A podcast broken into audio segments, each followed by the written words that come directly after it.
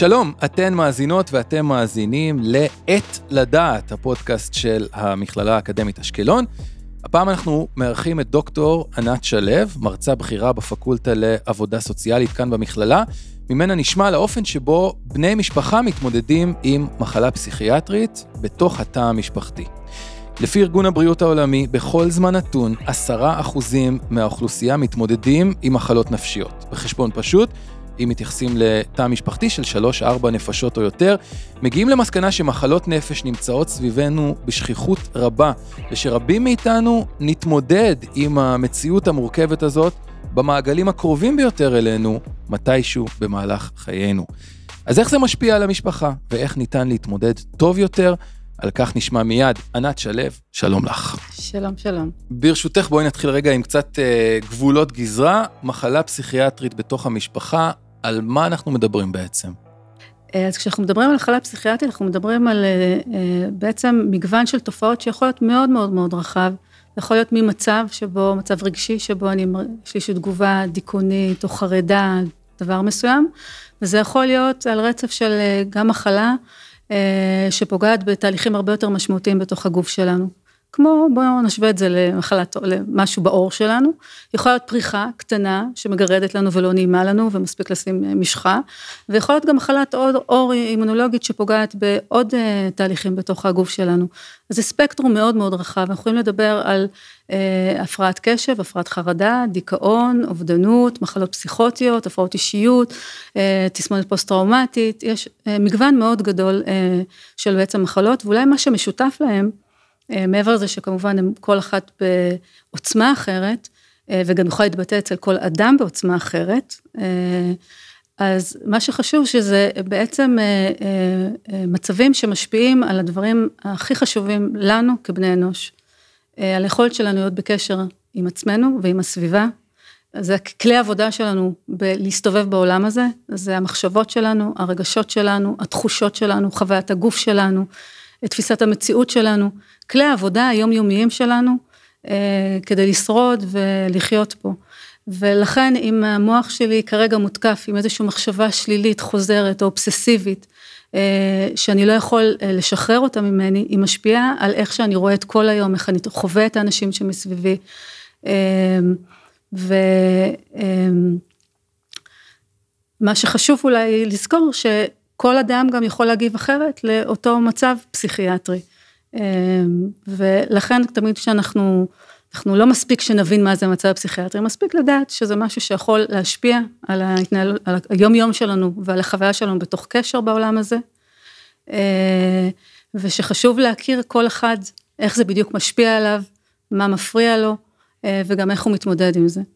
אולי חשוב להגיד על החולה או האדם שחווה את המצב הזה נמצא בסבל אה, אמיתי ועמוק. נכון, נכון. אני חושבת שאחד הדברים שגם, אה, גם אני ראיתי אותם כהסבר לתגובה של בני משפחות שהיא יכולה להיות כל כך אה, חזקה כתגובה לאירוע, זה שזה באמת, ההסבר של משפחות זה היה שזה חשיפה לרמות כאב שקשות להכלה.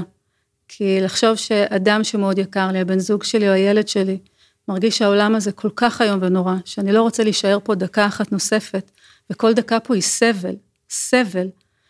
אה, להיות עם ילד, או מישהו שיקר לי, בחוויית סבל כזאת, זה להרגיש בעצם בשבילו גם קצת, כמה זה קשה להיות בעולם הזה. זה כאב שקשה, לה, אני חושבת שקשה מאוד להכיל אותו, קשה להיות בתוכו, והוא באמת מעורר גם תגובות מאוד קשות. אה, של מי שחשוף, מי שמרשה לעצמו להיות חשוף בעצם לכאב הזה.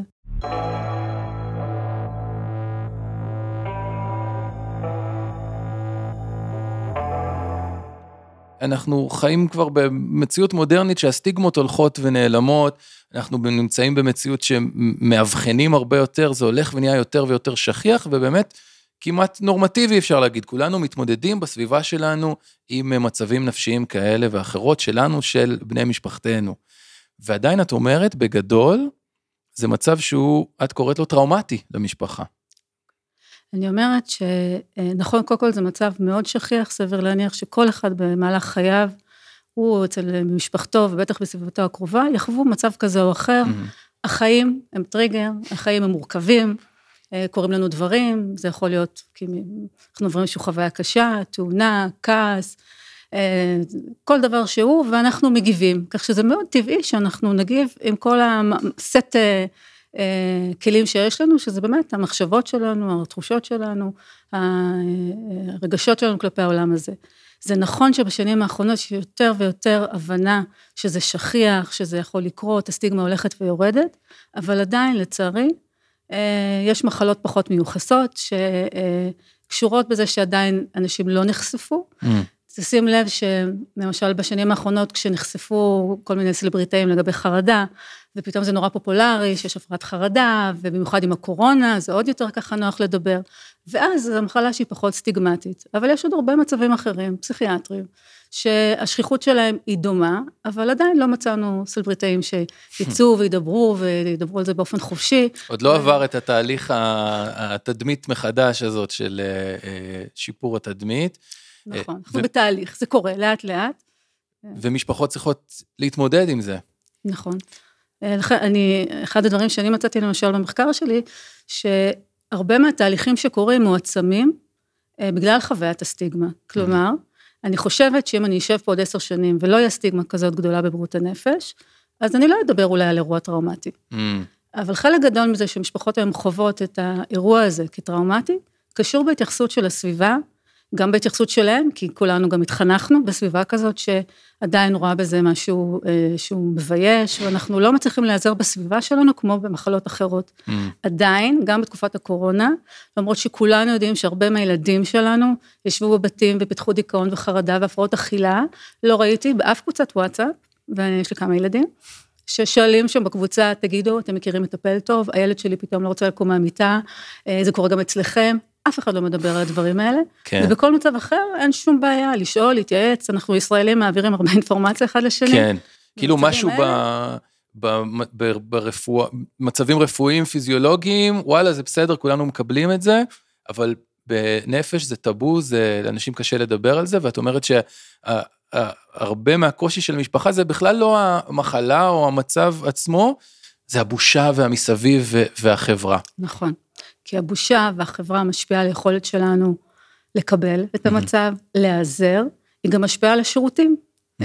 שגם אה, אנחנו מספקים, כי ככל שמשהו בו, השכיחות, אה, ההשפעה על חוויית הנטל של מחלת לב ומחלות ממאירות היא בדיוק כמו במחלה פסיכיאטרית. Mm-hmm. אבל תראה כמה השקעה יש במחלות כאלה, לעומת מחלות פסיכיאטריות. Mm-hmm. בוא תראה מחלקה פסיכיאטרית ותראה מחלקה בבית חולים כללי.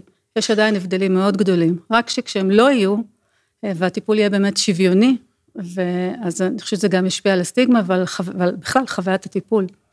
אני אשאל אותך משהו פחות uh, מדעי, מחקרי. Uh, אני יודע שאת כן נמצאת בשטח ואת פוגשת את המשפחות ואת האנשים האלה. תספרי לי סיפור. ספרי לי סיפור על, על מה אנחנו מדברים בעצם, על, על משפחה ש, שמה קורה בה ו, ואיך זה עובר על תא משפחתי. תכניסי אותנו הסיטואציה הזאת. אוקיי, עכשיו אני צריכה לעשות כזה ויש על באמת... על כל אלפי, הסיפורים. אלפי, אלפי, אלפי, אם לא יותר, אה, של משפחות שפגשתי בדרך. לחשוב על משהו שהוא מאפיין, משהו, דפוסים שמן הסתם את רואה שוב ושוב. כן, אני חושבת שהרבה מהם חווים בדיוק את אותו דבר. זה מתחיל קודם כל, וזה גם יכול ללמד על למה זה כל כך מורכב להתמודד עם מחלה נפשית. אז באמת, רעיון טוב להתחיל מהדרך. אה, קודם כל, זה מתחיל באיזשהו שינוי אה, התנהגותי שקורה אצל אחד, אה, אני אתן דוגמה סביב ילדים, אבל כמובן שזה קורה גם לבני ובנות זוג שלנו, לאחים שלנו, להורים שלנו, כן, אבל אני אתחיל בדוגמה שככה, אוקיי. Okay. אולי יותר שכיחה, יותר, יותר במודעות. אה, הורה פתאום רואה שהילד שלו עכשיו, תקופת הקורונה, לא כל כך בא לו לצאת מהמיטה. מתקשרים לחברים, לא כל כך רוצה לצאת, כל הזמן מסתכל על המשקל שלו, על הבגדים שלו. הורה אומר בתחילת הדרך, אומר, אוקיי, זה גיל כזה. יעבור לו. זה גיל התבגרות, יעבור לו, גם אני הייתי ככה בגילו. אה, זה דברים אה, טבעיים, אז אנחנו נחכה. אה, וככל שעובר הזמן, מתחילים להיווסף אה, עוד התנהגויות, כי כבר יש הימנעות, אני מרגיש לא טוב עם עצמי, אני מרגיש מצב רוח רע, אני לא מרגיש שאני יכול לדבר על המחשבות האלה שגורמות לי למצב רוח רע, אני מתחיל להימנע, מתחיל לא לצאת מהבית, וככל שאני לא יוצא מהבית, יותר מפחיד אותי לצאת מהבית. אה, פתאום כשאני יוצא, אז הרעש בחוץ בבית אפילו נורא, ברחוב הוא נורא נורא חזק, אז אני ממש, אז כשאני יוצא החוצה אני אפילו מתחיל להרגיש חרדה ודפיקות לב וקורים לי עוד דברים. אני עוברת איזשהו תהליך כזה שבו בהתחלה הם אומרים, אוקיי, זה מצב רגיל, זה תגובתי. אין לי דרך לדעת, רגע, הנה, ממצב תגובתי, שכל אחד מאיתנו יכול לחוות, שיש פה איזושהי פצצה מתקתקת, ויש פה משהו שאני לא, לא מצליח לעצור אותו. ובטח אצל הורים, אפילו כאלה שיש להם מודעות, יגיע גם השלב של, יאללה, ת, ת, כאילו, תתאפס על עצמך, עצמך, כן, תרים את עצמך, ועוד שכבה של אה, סטרס סביב העניין הזה. נכון. אז הורים באמת מתחילים בכל האסטרטגיות שיש להם.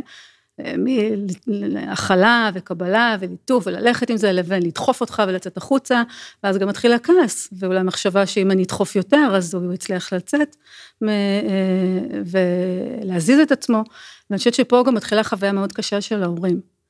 כי כשאנחנו מגדלים ילדים מגיל אפס מהרגע שתינוק בוכה אה, אנחנו מתחילה לא יודעים למה הוא בוכה.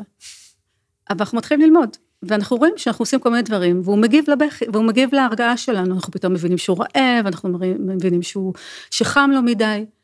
אבל כשמתחיל איזשהו מצב נפשי מתמשך, פסיכיאטרי, ההורה מתחיל לחוות חוויה מאוד קשה, שכל דבר שהוא עושה, זה לא עובד. כל הכלים שהוא השתמש לפני כן בגידול הילדים שלו, שהיו מאוד טובים, פתאום הם לא עובדים. תסכול עצום. ותחושה של חוסר אונים ופחד מאוד מאוד גדול, ופה נכנס הבושה. כן. והסטיגמה שמשפיעה על בושה. כן. כמה אני יכול לשתף, כמה אני יכול להתייעץ, כמה אני יכול לדבר.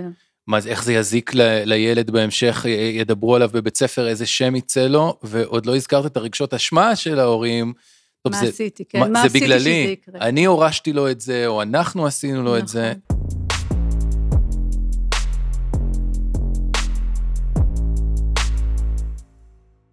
משהו משתנה בשלב מסוים? יש, תני לנו איזה אור אה, לשלב הזה. קודם כל יש מצבים שאני לפעמים אחרי אה, הבנה שאפשר לקבל עזרה ושיש אנשי מקצוע שמומחים בעצם לעזור במצבים האלה, לפעמים צריך טיפול תרופתי, mm-hmm. כי אנחנו אה, עוד פעם מושפעים גם ביולוגית וגם סביבתית מהסביבה שלנו, לפעמים טיפול אה, פסיכולוגי מספיק טוב, לפעמים אנחנו צריכים גם שילוב של טיפול שהוא ביולוגי יותר, יש בכלל מגוון של טיפולים היום. לעזור במצבים השונים. אז אנחנו מנסים את הטיפולים, לפעמים זה עוזר והכל עובר, mm-hmm. לפעמים זה לא עוזר. Mm-hmm. לפעמים מצב מורכב יותר, לוקח יותר זמן עד שמרגישים את השינוי. ומה שקורה זה שאנחנו נחשפים לכל מיני מצבים אצל הילד, שאנחנו לא מצליחים לעזור לו, שזו חוויה מאוד קשה, אנחנו חשופים לכאבים שלו, ואנחנו לא מצליחים אה, אה, בעצם אה, לתת, לתת אה, איזשהו מזור למה שקורה לו, ואנחנו מתחילים לעשות חיפושים. Mm-hmm. ושופינג, וללכת מפה, וללכת משם. ותוך התהליך הזה בעצם קורה משהו לכל התא המשפחתי, שגם נחשף אה, לכאבים מאוד קשים, אה, רגשיים. אני רוצה רגע להסביר שכשאנחנו מדברים סתם דיכאון, חרדה, הפרעת קשב, בסופו של דבר זה אחד מהעיקרים שלנו, שחווה פתאום משהו מאוד מאוד מאוד לא נעים, שלא קל לראות את זה בעין, אגב, הרבה מהמצבים, אני חושבת שאחד המורכבות זה שאני מרגיש משהו, אני לא כל כך גם יודע להסביר אותו כמו שצריך, ואני חווה משהו מאוד עוצמתי. ואני רואה את הילד שלי סובל, אני רואה אותו עם מחשבות מאוד קשות של לרצות למות, ואני לא יכול לעזור לו, ואז אני לוקח אותו לרופא, רופאה, ואני אומר, אה, ah, עכשיו הם יעזרו לי, כי נותנים תרופה, כמו באיזה פריחה, וגמרנו. אבל לפעמים חלק מהמורכבות במצבים נפשיים, שזה תהליך מאוד ארוך, שהתרופה הראשונה לא מיד עוזרת, שזה איזשהו מסע. אפילו שזה לכל החיים, גם את זה צריך החיים, לקבל. נכון. ואז עוד, זה חלק מהמורכבות של להיות בתוך המסע המאוד מאוד ארוך הזה. אה, ופה גם, לצערי, נתקלים בעוד משהו. אה, לפעמים גם החוויה מול אנשי מקצוע היא סטיגמטית. לפעמים כשאני יכול ללכת או לרופא משפחה, יכול לפעמים גם ללכת למישהו מתחום, מתחום המקצועי בפסיכיאטריה, וגם לא לקבל, גם לא לקבל לפעמים עזרה, כי לא תמיד יש מזור לכל, לכל כן. בעיה, אבל גם החוויה, גם המקום הסטיגמטי נכנס שם. רגע, אולי ההורים לוחצים מדי, אולי לא מבינים אותו מדי, אולי אה, אה, בוא נבדוק מה קרה שם בתוך המשפחה שאולי יכול להיות שהוביל לזה, כי בסופו של דבר כל המצבים האלה זה מצבים התנהגותיים רגשיים שתמיד אפשר להסביר אותם. Mm-hmm. גם במשהו התנהגותי בתוך הבית. Mm-hmm. ומאוד קשה לאבחן ולהעריך איפה פה חלק שהוא בעצם קשור כבר לאיזשהו מכניזם אה, גנטיקה גנטי, או מה שזה לא יהיה, או שזה מורכב, באמת... ומתי זה פשוט משהו שטק, אני עושה משהו פשוט ואני מפסיק אותו בתוך הבית. זאת אומרת, אפילו בתהליך אה, חיפוש הפתרון, יכולות להתעורר אה, עוד בעיות, ו, ויש המון השפעות שליליות על המשפחה. זה לא רק נכון. אותו ילד שחווה את זה, זה לא רק אותו הורה מתוסכל שמנסה למצוא פתרון, כולם חוטפים. נכון. מה קורה למשפחה? מה ההשפעות השליליות של אה, סיפור כזה? אה, אני רוצה להוסיף לך עוד. אה, בבקשה. יש אפילו עוד. יש עוד. אה, אחד, חלק מהמחלות עצמם גם משפיעות על כל מיני, יש להם השלכות מעבר לאיך שהן נכוות, אלא הן גם מובילות אנשים לעשות מעשים שהם לא עשו קודם, ובעצם מעמידות את המשפחה בכל מיני סיטואציות שהם מעולם לא עמדו לפניהם. למשל, אני זוכרת אח שסיפר איך אחיו בהתקף מאני פסיכוטי, חצה את הגבול לעזה, כן, הוא גם לא הראשון ולא האחרון, כמו שאתה יודע, ופתאום היו צריכים למצוא, גם עם החוויה של הפחד הנוראי, גם החוסר שליטה, מאיפה אנחנו כמשפחה יודעים איך ליצור קשרים עם מדינה שאין לנו. קשרים איתה, איך אני נוסע לשם, מה אני עושה, מה מצופה ממני כאח, כאבא, כהורה, מה אני מפעיל פה, או ילדה שגדלה בבית שהכל היה בסדר ופתאום בגיל 20 עוד פעם התקף פסיכוטי קשה והיא מחליטה שרוצה, לש... היא ישנה רק בתחנה המרכזית. ופתאום הילדה שלי לא רוצה להגיע הביתה ואני צריך לרוץ ולהתרוצץ אחריה בתחנות, בתחנה המרכזית. את אומרת, זה לא רק להתמודד עם, ה, עם המחלה, פתאום אתה מוצא את עצמך מתמודד עם כל מיני אה, מציאויות שלא חשבת שאי פעם תצטרך להתמודד איתם, וזה בטח גם סמים ופשע ופגיעה עצמית הרבה פעמים. אה, המון המון דברים שנוספים לקושי הזה. שהיה לנו את הידע המקדים לזה. ודבר נוסף, שלפעמים עוד בן משפחה שנחשף לפגיעה, אה, גם הוא בעצמו מתחיל לפתח סימפטומים. למשל, אני זוכרת אם שסיפרה לי איך אה, ילד צעיר שנחשף לאירוע פסיכוטי קשה של, ה, אה, של הבן הבכור בבית, הוא היה בן 17, ופתאום הוא עבר, ככה, כאילו, חי חיים רגילים, למד, היה בישיבה, ופתאום, פתאום זה התפרץ, והוא התחיל להרגיש שרודפים אחריו, והוא ראה דברים שלא קיימים, ואח שלו, שהיה מאוד קשור אליו, הוא רואה את אחיו מבועת, עובר כל מיני דברים, וגם הוא מתחיל לפתח חרדה, לחץ, ופתאום היא מוצאת את עצמה והיא אומרת לי, אני קרואה, אני גם צריכה לעזור לגדול שלי, אני גם צריכה לעזור לקטן שלי, ועכשיו אני את שניהם לוקחת לטיפולים. אז וואו. לפעמים זה ככה גורם לאיזושהי השפעה נוספת בתוך הבית, ולכן אני חושבת שכשקורה משהו כזה בתוך המשפחה, זה משפיע על כל בני המשפחה. יש גם אלמנט בוודאי של אה, הזנחה, שפתאום בן משפחה אחד זקוק לכל כך הרבה תשומת לב, וכל המשאבים של המשפחה הם אה, מתועלים אה, אה, כדי לטפל במישהו אחד, האחרים לפעמים נשארים בצד, מתחילים לפתח תסכול משלהם, גם אם הם לא חווים שום דבר נפשי משלהם, אבל רק זה בעצם השפעות צדדיות של, ה, של הסיפור הזה, זה גם בטח קורה. אוקיי, אני לא, אני לא אקרא לזה הזנחה, אני לא יכולה לקרוא לזה אוקיי. הזנחה. אני, קודם כל, זה מנגנון מאוד הישרדותי, כשבאמת מישהו בבית יותר צריך, בדיוק כמו שנולד תינוק, וכולם מבינים, גם האחים הגדולים מבינים שעכשיו אין להם תשומת לב. ברגע שיש חולי במשפחה, כולם מפנים את הצרכים שלהם, את הרגשות שלהם, שמים אותם בצד, לא מספרים מה שקשה להם, כי מבינים שמישהו עכשיו צריך יותר את תשומת הלב, וזה מנגנון מצוין, כולנו צריכים אותו במשפחה שלנו. אבל כשזה קורה לאורך זמן, עוד פעם, לא בכל המקרים, אבל כשיש מקרים שזה קורה לאורך זמן, ואותו אדם שמתמודד במשפחה צריך כל הזמן המון המון טיפול, Mm-hmm. באמת קורה משהו לשאר בני המשפחה ששמים את עצמם בצד. זה שוחק. זה שוחק אותם, הם גם מרגישים לא בנוח גם להביא את עצמם, וקורה עוד משהו, שזה, אה, שזה אני גיליתי במחקר שלי, שזה לא שאנשים רוצים להתרחק, או כבר התייאשו, או התעייפו. אני גיליתי שאנשים, דווקא למשפחה היקרה שלהם, והם רואים את הקרוב שלהם סובל מאוד.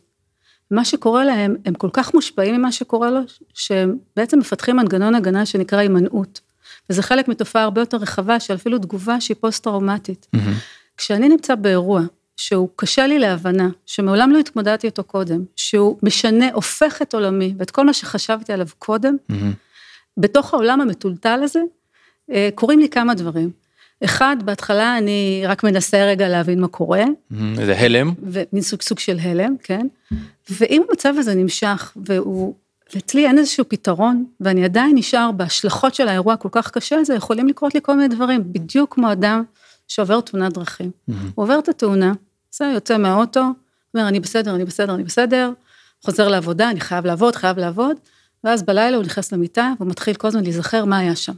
מה קרה שם, מתי עשיתי, מי נכנס בי, איך עשיתי, למה, למה נסעתי בבוקר, איך עשיתי ככה. הוא יוצא למחרת בבוקר, הוא עולה על האוטו ושומע צפירה. כל הגוף שלו מגיב כאילו שהיה באותה סיטואציה כמו אתמול, הוא חי ונושם ומרגיש, כל הגוף שלו זועק, אני עכשיו בתאונה. שוב פעם, למרות שסתם צפירה של רכב. זה תיארת לנו פוסט טראומה, עכשיו קחי אותנו בתוך משפחה ש... בפסיכיאטריה, מה שאני גיליתי, שמשפחות חוות בדיוק את אותו דבר. כשהם נחשפים לאירוע שמבחינתם הוא מסכן חיים, כי הקרוב שלהם אה, עובר אירוע מאוד מאוד קשה, שמאיים על קיומו הנפשי, mm-hmm. אולי לא הפיזי, אבל קיומו הנפשי מטלטל את עולמו. זה מפחיד באותה מידה. זה מפחיד באותה מידה, זה מטלטל את העולם וגורם לנו לא לדעת איך להתמודד, זה משנה לנו את איך שאנחנו גם תופסים את הדברים בגלל החוויה עצמה הקשה וגם ההשלכות שלה. Mm-hmm. וזה גורם לנו בעצם לפתח כל מיני תסמינים של תסמונת, אה, שקשורים בתסמונת פוסט-טראומטית. אז אנחנו קודם כל לא מזניחים, אנחנו נמנעים, כמו אחות שאמרה לי, שהייתה מאוד קשורה לאח שלה, שהייתה כל אה, שבת אה, מגיעה ויושבת עם אח שלה, ואחרי שהיא ראתה אותו בכמה אירועים פסיכוטיים, וראתה שהוא משתנה והוא לא אותו דבר, וכל פעם שהיא רואה אותו כואב לה, היא נקרעת מלראות ולח... ולהבין איזה קריאה חלה בחיים שלו, כי הוא לא, לא חוזר לעצמו, אז כשהוא מתקרב אליה, היא מרגישה בגוף שלה ממש דפיקות לב ולחץ. והיא אומרת, אז אני, אני אנסה לא לדבר איתו. לתפוס מרחק. לתפוס מרחק כדי לשמור עצמה, כי היא מרגישה את מה שהוא מרגיש. והרבה אה, אה, בני משפחה ממש מתארים איך הם, אה, כל פעם כשיש אירוע שמזכיר את הבן שלהם, או באירוע, או בזמן שהיה איזשהו אירוע של הקרוב שלהם, mm-hmm. שממש הגוף שלהם מגיב בדפיקות לב, בפלשבקים. אבא שסיפר לי שהוא, בזמן, הבן שלו באיזשהו אירוע פסיכוטי לבש חולצה מסוימת. כל פעם שהוא ראה את החולצה הזאת על איזה מישהו ברחוב, הוא הגיב, הוא הרגיש כאילו שהוא באותה סיטואציה ושהוא mm. מותקף, ואם מישהו היה פונה אליו הוא היה צועק עליו בחזרה כי הרגיש שהוא בסכנה.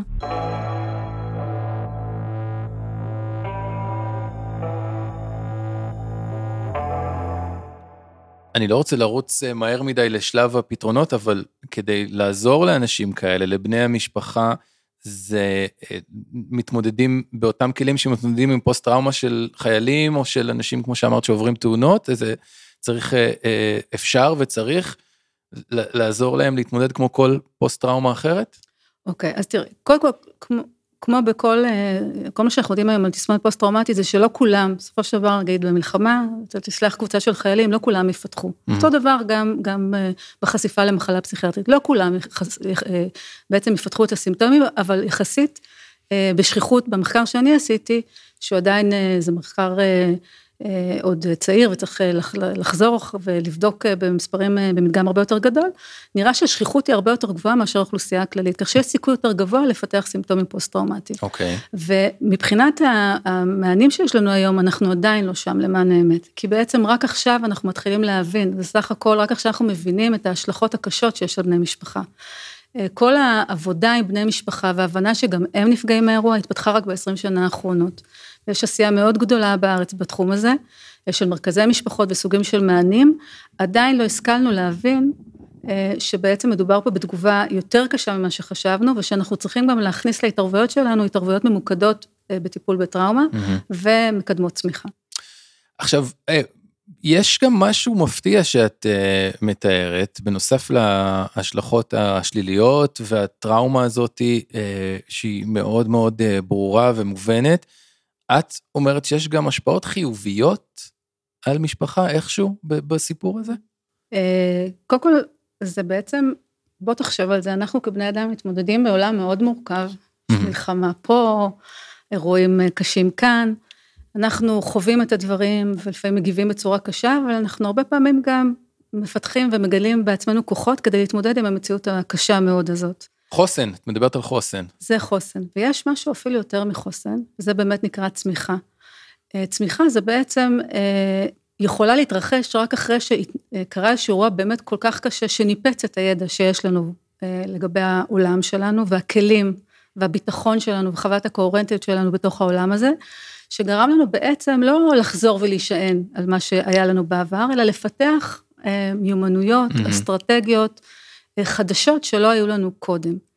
אה, מה שאומר שכדי שלפתח צמיחה צריך להיות אירוע מאוד קשה, הרבה פעמים השלכות פוסט-טראומטיות. כן. אבל זה אומר שאם אני, ואני אקח את זה ברמה הפשטנית, אם אנחנו סובלים מאוד, אנחנו יכולים גם לצמוח מאוד, וזה באמת גם מה שהתגלה במחקר. Mm. שדווקא כשאנחנו חווים את האירועים סביב הקרוב שלנו בצורה מאוד קשה, ויכולים לפתח סימפטומים פוסט-טראומטיים, אנחנו גם פתאום קורים לנו דברים שלא קרו לנו לפני, לפני המחלה. מגלים חוזקות. מגלים חוזקות, ולא רק חוזקות, זה חוזקות שמתפתחות כתוצאה אה, בעצם מהשבר הזה, ומה שהיינו, ומההשלכות של השבר הזה בחיים שלנו, כמו... אה, תמשיכי, כן. אם שאומרת לי, כל החיים הייתי כזאת שקטה, ו, ועשיתי את מה שמצופה ממני, אבל כשהבן שלי חלה, והייתי צריכה ללכת ולדפוק על שולחנות כדי שהוא יקבל את הטיפול הכי טוב, פתאום הייתי צריכה להיות לביאה, הייתי חייבת לצאת מהגבולות של עצמי ולהיות לביאה. אה, או אנשים שבעקבות חשיפה לאירוע כל כך קשה, שהחיים, כל, כל המשמעות של החיים בעצם משתנה. ובהתאם לזה גם סדרי עדיפויות. אה, פתאום בריאות הרבה יותר חשובה מאושר. אה, כלכלי, mm-hmm. מכסף, אנחנו פתאום משנים את מקבלים קצת אה, פרופורציות. פרופורציות לחיים. נכון. אוקיי, אז, אז מן הסתם לא כולם זוכים לצאת לדרך חדשה, חיובית כזאתי, אבל זה בהחלט נותן איזשהו מקום לאופטימיות, את אומרת.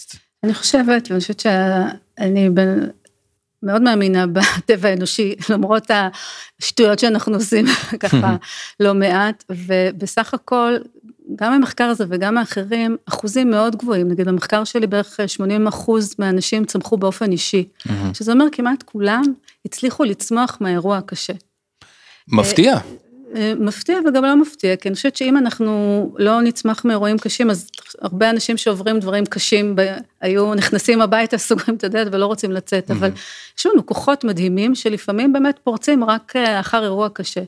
מה שכן, אני חייבת כן לסייג, שאני גם בדקתי צמיחה משפחתית. ובצמיחה משפחתית זה, כלומר בדקתי האם גם כל המשפחה, לא רק כל אחד כפרט, פתאום יכול להיות יותר אה, מגלה בעצמו כוחות חזקים. אלא אם גם אנחנו כמשפחה גדלים יותר, אה, חזקים יותר, גילינו בעצמנו, פיתחנו בעצמנו דברים שלא היו בהם, שלא היה בנו קודם.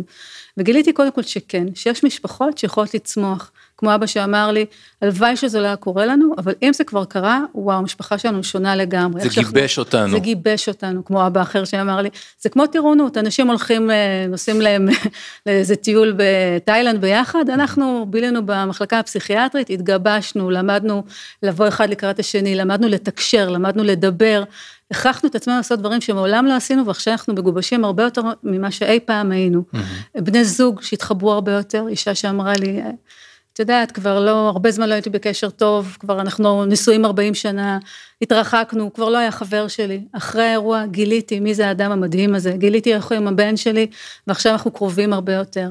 אחים ואחיות שהתקרבו אחד לשני, אה, ילדים להוריהם, כך שאפשר גם לצמוח ברמה המשפחתית. אני מודה שלא כולם, זה מאוד קשה.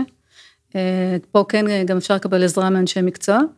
אה, אבל אני חושבת שאם אנחנו מבינים שגם אנחנו עוברים אירוע מאוד מאוד קשה, והוא משפיע עלינו, ואנחנו נותנים לזה להשפיע עלינו, ואנחנו גם מטפלים בזה, אנחנו יכולים גם לצמוח מזה, ו- ולמצוא אושר וחיבורים חדשים בעצמנו ובמשפחה שלנו שלא היה לנו לפני האירוע.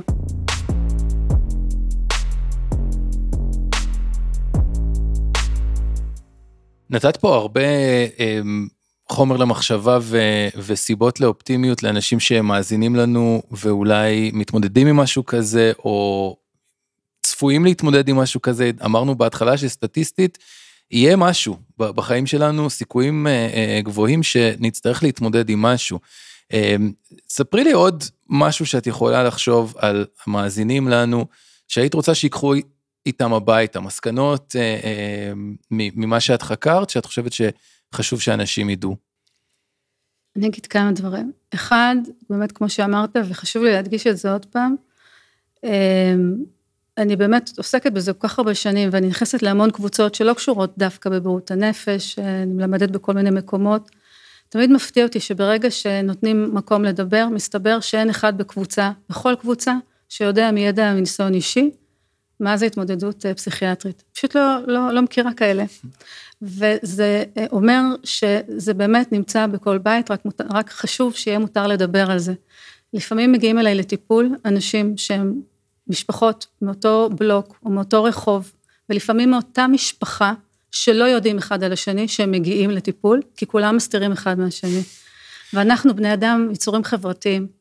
אז... אנחנו מקבלים המון כוח אחד מהשני. את אומרת, תתקשרו, דברו. תקשרו, זה תדברו. מותר, זה, זה בסדר. שכיח, זה קורה להרבה, אין מה להתבייש. אני חושבת שמי שמתמודד עם אירועים כל כך קשים, עם סוג של אה, אה, פגיעה, שהוא, אה, כמו שאני, הוא קשה יותר מפגיעה פיזית, mm-hmm. כיוון שהוא לא נראה לעין, אז הרבה יותר קשה לעלות על זה, להבין על זה, הוא גם גורם לנו להרגיש דברים.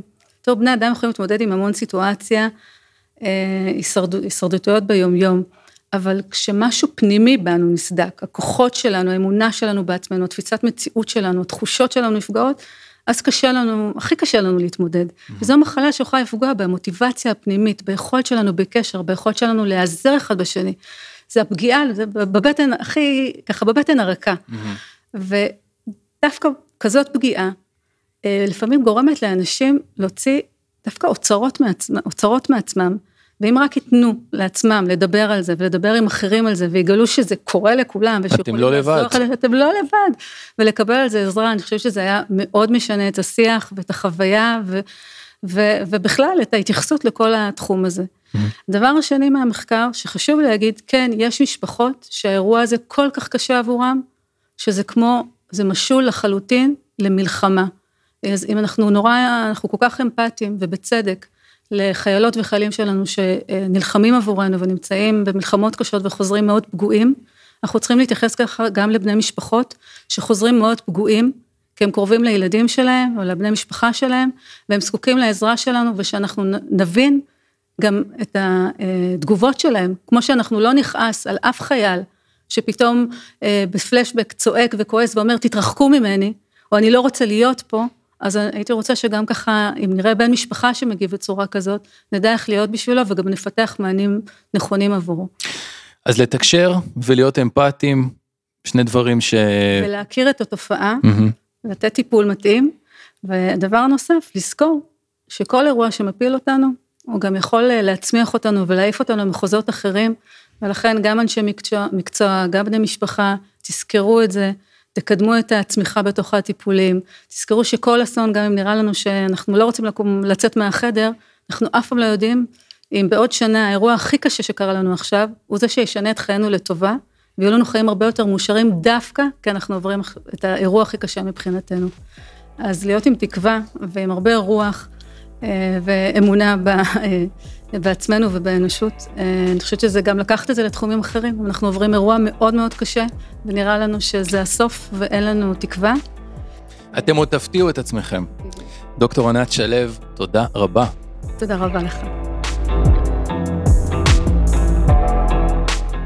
עד כאן להפעם, בעת לדעת, הפודקאסט של המכללה האקדמית אשקלון. הפיקה אותנו שי קלוט, תודה גם לנופר משה, אני יונתן גל.